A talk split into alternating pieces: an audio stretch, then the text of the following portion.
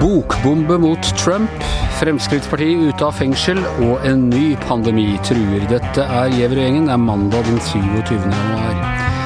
Ja, eh, først eh, velkommen hjem, Per Olav Ødegaard. Takk, takk. Du har vært i Washington, heldig som du er. Ja, det var en interessant uke. Veldig bra. Ja, det vil jeg tro. Nesten vanskelig å reise hjem igjen, Ja. men eh, ja. Var du eh, Mye av dette foregår jo på TV òg, men på, på tider hvor, hvor det er litt tungt for oss å se på. Men var du også inne i Kongressen og, Kapitolbygningen? Jeg var, jeg var, jeg var ved, der morgen og kveld, egentlig, hvor vi lagde VGTV-sendinger på trappen, egentlig, der. Og så satt jeg og fulgte mye av det som foregikk eh, på storskjerm, fordi det var den måten å, å følge hele forhandlingen på. For hvis du står i korridoren der, så får du ikke med deg alt som blir sagt inne i, salen. Nei. Og strengt tatt så kunne du egentlig bare blitt værende der, for eh, riksrettssaken er ikke over, og, og nå slapp man en ny bombe natt til i dag. Det kommer jo ting hele tiden. eh, Og eh, den bomben som du henviser til, er jo at John Bolton har jo da skrevet på en bok, og den boken er ennå ikke utgitt, men et utkast er blitt sendt til Det hvite hus, annet, for Ja, det er altså John Bolton, tidligere sikkerhetsrådgiver. eh, Det er det. En av fire sikkerhetsrådgivere eller noe sånt som ja, har vært ja. som gikk av i høst. eh, Og eh, som har da skrevet om at Trump At han tok opp dette med at Ukraina ikke fikk denne militære støtten som eh, Kongressen hadde bevilget. Han holdt tilbake de militære støtten fra Ja. Kongressen, Ja. mens han ventet på at de skulle begynne å etterforske Ja, og- Bidens Og, og, ifølge, og ifølge Bolton tok han dette opp med så Han var urolig for dette og sa det til, eh, til Trump, eh, men Trump sa at eh, det kommer ikke da på tale å, å gi disse pengene før de har eh, gitt oss alt materialet de har om Biden, Joe Biden, og også det, det demokratiske eh, kontaktene da, som de mener fantes i Ukraina. Eh, det er viktig av to grunner, tenker jeg. Det ene er at eh, dette slår bena under det som på en måte er republikanernes forsvar, eller Trumps forsvarere, det de sier, nemlig at det ikke er noen sammenheng mellom etterforskningen av Biden og denne militære støtten som da ble tilbakeholdt. Det er ikke påvist at det er noen sånn sammenheng, hevder de. Eh, og det andre er at, det, at eh, John Bolton ikke er noen eh, på venstrefløyen eller noen motstander av republikanerne. Han er en, en, en av den gamle skole republikaner, hauk. eh, Altså som- Før Trump dukka opp, så var han omtrent så langt til høyre som han kom i det republikanske partiet? var Ja, ikke det? nettopp. Men han tilhører jo den litt sånn nykonservative eh, eh, retningen, og, og som på en måte aldri En av de som fortsatt forsvarer innmarsjen av uh, i Irak, ikke sant, invasjonen der, og som jo har vært en tilhenger av regimeskifte i, i mange land, og også bruke amerikansk militær makt når det er nødvendig. Var begeistra da Trump tok ut uh, den iranske general uh, Soleimani eh, her. eh, Dette var jo i tråd med hvordan han eh, normalt mener utenrikspolitikk skal føres. Og, eh, så han er jo Han kan jo ikke avfeies som å på en måte være noen eh, som noen svak eller noen han kan være en very sick man, som Trump pleier å si om folk som ja. eh, han ikke, ikke stryker den helt Nå, med hårene. jo, nå sier jo Trump at han ikke har sagt dette, selvfølgelig, og til, eh, eh, til Bolton. Og at, det ikke, og at, at han bare nå prøver å selge boken sin. Så det er jo det som nå er Det blir litt interessant å se nå i kveld norsk tid, da, så skal Trumps forsvarere på, gå opp på talerstolen i Senatet og det er Interessant å høre på om, om, om de vil justere sitt, eh, sin versjon nå med dette som er kommet inn, eller hva de vil si. Men det mest spennende er vel om dette vil tvinge eh, Senatet til å måtte føre vitner i, i saken, er det ikke? Jo, og det er jo klart at For demokratene har jo Bolten var jo drømmevitne til eh, eh, demokratene. Ja, og det nå sier Trump i en tweet i dag at uh, dette kunne representanthuset ha gjort i etterforskningen og innkalt, uh, innkalt ham da. Men det var jo slik at uh, Det hvite hus la jo ned forbud mot både tidligere og nåværende nære medarbeidere i Hvite hus og på noen måte medvirke i granskningen. Og så kommer de da i ettertid og sier at ja, ja, men nå har granskningen vært så, vært så dårlig etterforsket, og nå er det for sent å innkalle ham. Ja, det, det man eventuelt måtte gjort var å få en rettslig kjennelse på at de eh, skulle vitne. Ja. Og det ville tatt lang tid, så da ville denne riksrettssaken ha vart i Det ville tatt lang tid hvis de motsatte seg det, ja. Ja. Og det var, sa de jo at de kom til å gjøre. Mm. Eh, men, eh, men, men nå har jo selv han Bolten sagt at han, gjerne, at han vil vitne hvis han blir innkalt. At han mener han har noe å tilføre i denne etterforskningen. Og selvsagt skal denne saken skal man, skal man komme gjennom denne saken, eh, så, så bør jo alle, eh, og også de nære medarbeiderne til Trump, bli hørt og bli eh, Så det er den eneste grunnen til at de nå ikke vil ha ham i vitneboksen, er jo at de er redde for hva han vil si, tror jeg. Når, når alt det er sagt, det er ingen grunn til å tro, noe større grunn til å tro at Trump kommer til å bli felt i denne riksrettssaken? Nei, men jeg tror muligheten er noe større for at at han og kanskje flere andre vil bli innkalt som vitner. At riksrettssaken Altså vil pågå lenger. som- ja, at Bolton vil bli innkalt. Fordi det blir stadig vanskeligere for den gruppen av eh, moderate republikanere, om du vil, de som av og til markerer litt avstand til Det hvite hus og, og faktisk eh, tar eh, selvstendige avgjørelser iblant, at de har nå et veldig press på seg for å kunne la dette vitnemålet komme ut. for at man, Så jeg det, det er nok en noe større mulighet for at det kan skje. Ja, det blir spennende uke i, eh, i eh, senatet der. eh, Og nå kommer, starter snart også primærvalgene i, først i Iowa blant demokratene. Det blir Bare en også- uke unna. Ja, bare en uke unna. Så det er, det er spennende tider i amerikansk politikk, som vanlig, får vi nesten si.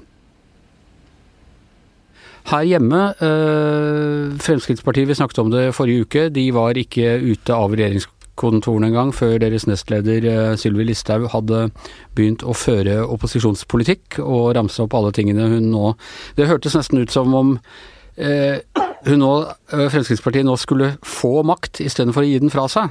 Eh, og nå, dette eh, har hun nå ytterligere forsterket med en uttalelse til eh, NTB, var det vel, i helgen, hvor hun sier at å slippe ut av regjeringen er som å komme ut av fengsel. Spesiell uttalelse, Hans Petter Sjøli. Ja, altså å gi fra seg makt er da å bli fri Mm. i Frp-terminologien. og Deres eh, måte å se på politikk på. Det syns jeg jo eh, Ikke alle i Fremskrittspartiet, kanskje? Nei, men du ser jo du, du som har eh, åpenbart dominert eh, lufta etter at, det her, eh, etter at partiet gikk ut av regjering, er jo Sylvi Listhaug. Per i dag eh, så er hun partiets frontfigur. Eh, Men det må jo stå i direkte motsetning til hele Siv Jensens prosjekt. Har jo vært å, det som å er ta så makt og ja. Ja, fordi eh, hun har jo argumentert for det her i, i seks og et halvt år. Var, kjørte beinhardt på at det skulle ikke være noe regjering uten Frp hvis det var en borgerlig regjering. Og så går de ut, og så, så er det liksom sånn så må de ikke sitte der. Altså, Hun ikke bare sier at hun har vært som å sitte i fengsel, det er jo en helt oppsiktsvekkende uttalelse, men hun sier også at eh, at uh, hele, uh, hele regjeringa må være grå, kjedelig, kompromisser og sånne ting. De har jo sittet der! De har sittet der i seks eh, år og vedtatt politikk på politikk, politikk. Og nå, altså, i dag, så, så, når hun snakker, så virker det jo som om de ikke har vært der. Altså Som at det er bare noen andre som sitter og finner på det greiene her. Fordi hun hadde jo rett i det at regjeringa var upopulær. Liksom. Det, det ideelle er altså å få Fremskrittspartiet så stort at det akkurat ikke må ta makten, da.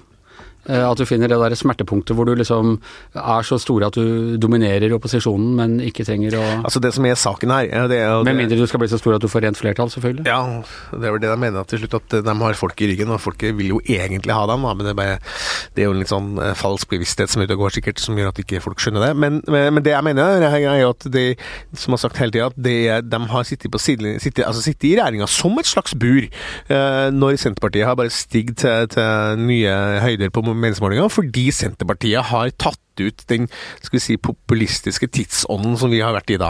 Eh, Som ikke nødvendigvis er bare negativ. det er ikke det, det er Populisme må ikke bare forstås som et negativt begrep. Det kan jo på være positivt at, at eh, politikerne hører på det folks eh, rop, selvfølgelig. Men, men, men det må ha vært forferdelig for en del. Det er populisme i alle partier, Ja. kanskje bortsett fra Høyre. Ja. Det, men det må i hvert fall vært forferdelig da, å sitte der og se på det at Senterpartiet bare casha inn på det her, mens de sjøl har sittet som da i et fengsel. Liksom. Det er deres da forståelse av det her. Yngve Kvistad, hva, hva, tror du, hva tror du om kampen mellom Frp og Senterpartiet når eh, den kommer i gang? Hvem setter du penga dine på? ja. Nei, altså jeg har jo egentlig vært eh, veldig positiv, eller optimistisk må jeg si, på vegne av Senterpartiets eh, skjebne tidligere her. Eh, Nå er ikke den like optimismen er ikke like sterk lenger etter at eh, da Fremskrittspartiet ble satt fri fra dette fengselet. Eh, For jeg tror ikke at de vil føre en type politikk som, eh, som vil eh, trekke en del altså Senterpartiet har nok hatt en del stemmer, velgere, på låns i den tida Frp har sittet i regjering. Jeg tror nok at de vil få tilbake en del av dem nå, altså. Hva tror dere om argumentasjonen om at ja, dette viser at Fremskrittspartiet er ikke et parti for makt, det er et parti bare for opposisjon og, eh, et protestparti. Hvor, hvor lenge er det til Fremskrittspartiet kan gå i regjering igjen etter, eh, etter en sånn exit? Det er jo store spørsmålet nå. Liksom, hva skjer i 2021? Det er jo ikke lenge til neste valg. Uh, vil da Frp fort forbli et opposisjonsparti, eller vil de da gå inn og vil de da støtte eh, Hva slags regjering vil de støtte? Så de har jo Tidligere Carl I. Hagen og Siv Jensen har jo sagt konsekvent at de ikke vil støtte en borgerlig regjering de ikke sjøl inngår. Men nå har det plutselig blitt snudd helt på hodet, og bare ganske plutselig. Altså, det var ikke De skifta jo statsråder for, eh, for en måned siden, ikke sant? Og det var ny giv i regjeringa, sånn. Og så snur de totalt om. Og eh, en han som har analysert dette best, det er jo for så vidt Per Sandberg, som har sittet og sagt at eh, nå er det den fløya som han har advart mot hele tida, som nå faktisk har sittet, fått makta i Frp. Hvilken fløy er det egentlig Sandberg representerer nå i sitt eh, Han tror jeg er utenfor alle fløyer. Han er en egen fløy. utgjør sin egen fløy, ja. Ja. ja. Litt sånn mal apropos, egentlig, men, men det, det spørs også liksom om uh, Det er noe som heter at alt har sin tid. Og det som Hans Petter sier, at det, den populismen altså Det har kanskje kommet en reaksjon.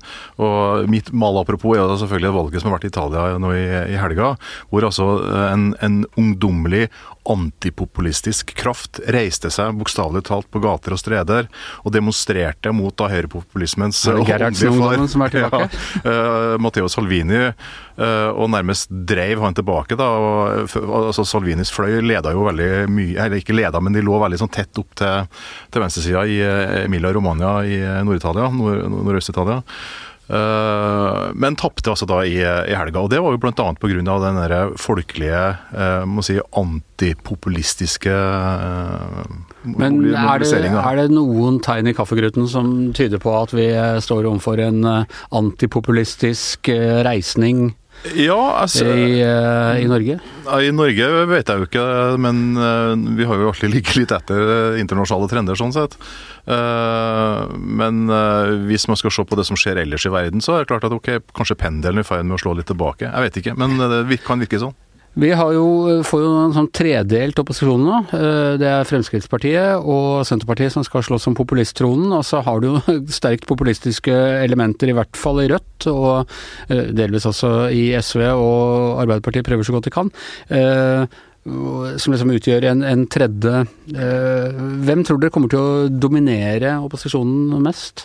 Jeg tror i hvert fall at i uh, vår, uh, vårt habitat, i mediene, så kommer Frp til å være rimelig uh, hands on framover. Vi vi har vært ivrige på det, det må Ja. jo virkelig sies. Altså Sylvi Listhaug, vi lyder hennes minste utspill nå og Ja. gir det store Vi oppslaget i det hele tatt. Om vi ikke skal sitte her og ta selvkritikk på vegne av pressen, så er det i hvert fall sånn at hun leverer nå i hvert fall varene. ikke sant? Ja. Det mens det andre må kanskje lirke ut av ting, så, så sier hun Sylvi det er ganske sånn drøye ting. Bare si at du sitter i regjeringen som å sitte i fengsel! Har du, hørt, har du hørt en sånn uttalelse av en norsk politiker noen gang? jeg tror ikke helt vi skal gi opp eh, Slagsvold Vedum og KL. Altså, nå er jo eh, tidligere ikke akkurat dem som mener at de nødvendigvis driver med populisme, og pop, eh, selv om noen populistiske utspill til tross, så vil jeg vel egentlig karakterisere Senterpartiets politikk som mye mer ansvarlig enn som sådan. Men jeg tror nok at de kommer nok til å markere seg også da nettopp for å få spalteplass. Det blir nok en kamp sånn- mellom de to, ja. Ja, ja, det tror jeg. Blir, eh, blir da venstresiden knust, malt i stykker mellom disse to eh, populistkreftene, eller vil de finne sin nisje? Nå kan du si at Senterpartiet er jo en del av eh, venstresida, i den forstand at de er en del av den samme Ja, men de er en del av den samme, i hvert fall den regjeringskonstellasjonen som sannsynligvis da fortsatt vi vil tro ligger best an til å vinne valget neste år. Eh, men det kan jo hende at eh, hvis det blir veldig mye støy, så er det jo, og, og, så, så er det jo kan det jo komme en motreaksjon der også. Jeg ser på f.eks. at eh, Arbeiderpartiet har vokst på målingene det siste, og det kan jo Man kan jo ofte tro det at i Norge at jo mer stille du er, jo mindre du lager støy, så, så, så, så bare liksom, på en eller annen måte så får du en slags kred for det òg. Ja. Vet ikke. Det, vi kommer til å ligge tett på dette her også, har jeg en, en sterk følelse av. Vi har ikke hørt det siste fra noen av dem. Eh, ellers eh, dominerende det er, det er mye eh, nyheter og break, breaking news, som vi kaller det på nynorsk eh, for tiden. Eh, en annen ting som virkelig har dominert nyhetsbildet, det er jo dette koronaviruset. Eh, altså et utbrudd i Kina av en eh, av eh, et eh, nytt smittsomt eh, virus som foreløpig har drept under 100 mennesker, men smittet et par tusen. Og som vi alltid spør i sånne sammenhenger, er det på vei til Norge, Yngve Kvistad? Eh, Ja, det vil jo vel Altså, det vil jo mm, skje Eller det må skje et mirakel hvis det ikke skal komme hit på, på noe vis. Men nå strides jo de lærde om graden av alvorlighet. eh, Jeg så noen sa at det er bare folk over 47 år som er døde av det, og da, var- Ja. da var det liksom ikke så farlig. Nei, altså, nei da, det er riktig at de som er døde, de er um, hovedsakelig eldre mennesker. Den yngste er 47. Eldre mennesker på Men, 47. ja, Ja. men, ja, da, men de er rundt eh, Ja, jeg 70 jeg sånn, og det er også folk som har hatt andre sykdommer. Og han 47-åringen hadde i tillegg en alvorlig kreftsykdom, eh, så, så hva som var det, det som virkelig tok livet av det vet man jo egentlig ikke. da. Men det som er skummelt med dette, er at det, det sprer seg jo med ganske stor hastighet. da. Altså Nå er det 2700 mennesker som er eh, registrert smitta i Asia, og noen få i USA og Canada og Frankrike. Men i tillegg så anslår man jo at eh, minst 25 000 er smitta altså bare i Kina, fastlandskina. Og siste prognosene er jo at dette er en type virus som fordobler seg hver sjette dag. Så det er litt sånn som hvis man ser på riskornet og sjakkbrettet, så kan jo dette få alvorlige følger eh, etter hvert. Samtidig er det et virus som foreløpig anses som mindre eh, farlig enn sars-viruset, som det ble først sammenligna med. Eh, Mindre farlig på den måten at uh, Det er ikke like dødelig, Nei. det er greia. Men det Eh, kan spre seg like Det kan spre seg like kjapt, uh, absolutt. Men, og man begynner jo å ta forholdsregler i Norge nå. Annet Blodbanken i Oslo har jo nå innført en ekstra karantene på 14 dager, folk som har vært i Kina. Eh, Og det er noe med at eh, altså, inkubasjonstiden har ikke noen symptomer, så at du, veit ikke at du har, har det før det plutselig pang. Nei, ifølge Folkehelseinstituttet så er det jo er symptomene som lett influensa, med litt sånn øh, ja, snørrete nese og, og sånn. Jeg har vært sånn ei uke. Jeg hadde ikke jeg har korona. Jeg Kanskje kjente jeg hadde korona her. Jeg, Du altså. har, du har fugleinfluensa. Svineinfluensa. Ja, ja, ja, ja, gutter. Eh, ta dette på alvor. Eh, hva, hva Altså, jeg så eh, Direktoratet for sivilt beredskap har i, i sin siste sånn sårbarhetsvurdering så uh, sa de at det er 75 sjanse for at uh, Norge utsettes for en pan, ny pandemi i løpet av, av 75 år. Jeg vet ikke om den, jeg vet ikke om den spanskesjuken på 20-tallet var den forrige, men dette er altså noe altså Av alle trusler vi står overfor, terrortrussel og naturkatastrofer og miljøkatastrofer, jeg vet ikke hva, så er pandemi eh, og med påfølgende sånn medisinmangel eh, en av de største. Hvor godt rusta er vi? Nei, altså I tilfeller så er vi jo ikke rusta i hele tatt. For at, eh, man har jo ikke funnet opp noen influensavaksine mot akkurat det her viruset. Eh, eller altså, Vaksine mot virus er jo vanskelig i utgangspunktet, men altså sånn vaksine mot den type sykdommer. da. Eh, men selvfølgelig forskes jo på det. Jeg tror nok at det her er sånn typisk tilfelle der det gjelder å ha eh, et uttrykk jeg ikke liker, men altså, det å ha to tanker i hodet samtidig. Det at man skal være forberedt og, og tenke at ting kan skje. Samtidig er det nok veldig viktig også å, å, å holde hodet kaldt og si at det her er ikke nødvendigvis noe som skjer i morgen. Og, og at hvis det først skjer, er det heller ikke sikkert at det er dødelig. Det er veldig, altså Så langt er jo mange flere som er smitta enn som har dødd. Jeg husker, altså for de, som bør ta det litt rolig, er vel kanskje sær- særlig vi i mediene. Jeg husker eh, under fugleinfluensaen for en 10-15 år siden. Så var det hovedoppslag på Dagsrevyen at det var funnet en død altså, and i Eskiltuna i Sverige. Eh, Da var vi liksom på det temmelig, eh, temmelig nervøse. Er, eh, men jeg synes også, også Parallellen til svineinfluensaen er ganske eh, nærliggende. for Der ble det jo også kjørt på veldig mye at her måtte folk vaksineres. og så viste seg at Man hadde ikke engang testa ut vaksinen. og det var jo, I ettertid så kan man si at det var en stor grad av overvaksinering. Og sannsynligvis så var det også en del tilfeller av altså hvor vaksine ikke burde ha funnet sted. At det tvert imot virka mot sin hensikt. da, og det, og det, og også da vi begynte med disse håndkrem-sanitizerne ja, alle sammen, ja. som fortsatt står og bokser rundt i VG-bygget med dem. Ja da, og hørte jo også noe fra um, nyhetsmelding om at uh, mange apotek hadde gått tom for munnbind. Eh, Så sier jo da Folkehelseinstituttet at dette med munnbind er kanskje ikke noe som beskytter i det hele tatt, akkurat det tilfellet her, men, eh, men dog allikevel. det er jo da Folk vil jo gjerne forsikre seg. da. Under svineinfluensaen så jobbet jeg i New York, og da var det eh, kommet han Fryktet at var kommet til New York via en skole i Queens som hadde vært i, i Mexico. Og da sto vi en 50 journalister utafor den skolen med hvert vårt munnbind, mens alle barna på skolen gikk inn og hun uten. Så det var, eh, det var pressen på sitt modigste, får man si. Nei, jeg tror ikke altså Det er lett å Kanskje lett å fleipe med det, men det er selvfølgelig grunn til å ta det på største alvor. Men igjen også er det også grunn til å ikke bli hysterisk, da. Det var eh, kloke ord fra Yngve Kvistad, som får eh, avslutte denne utgaven av eh, Gjever og gjengen. Eh, I studio Hans Petter Sjøli, Yngve Kvistad, Per Olav Ødegaard, Anders Giæver og vår inkubinator bak spakene, Magne Antonsen.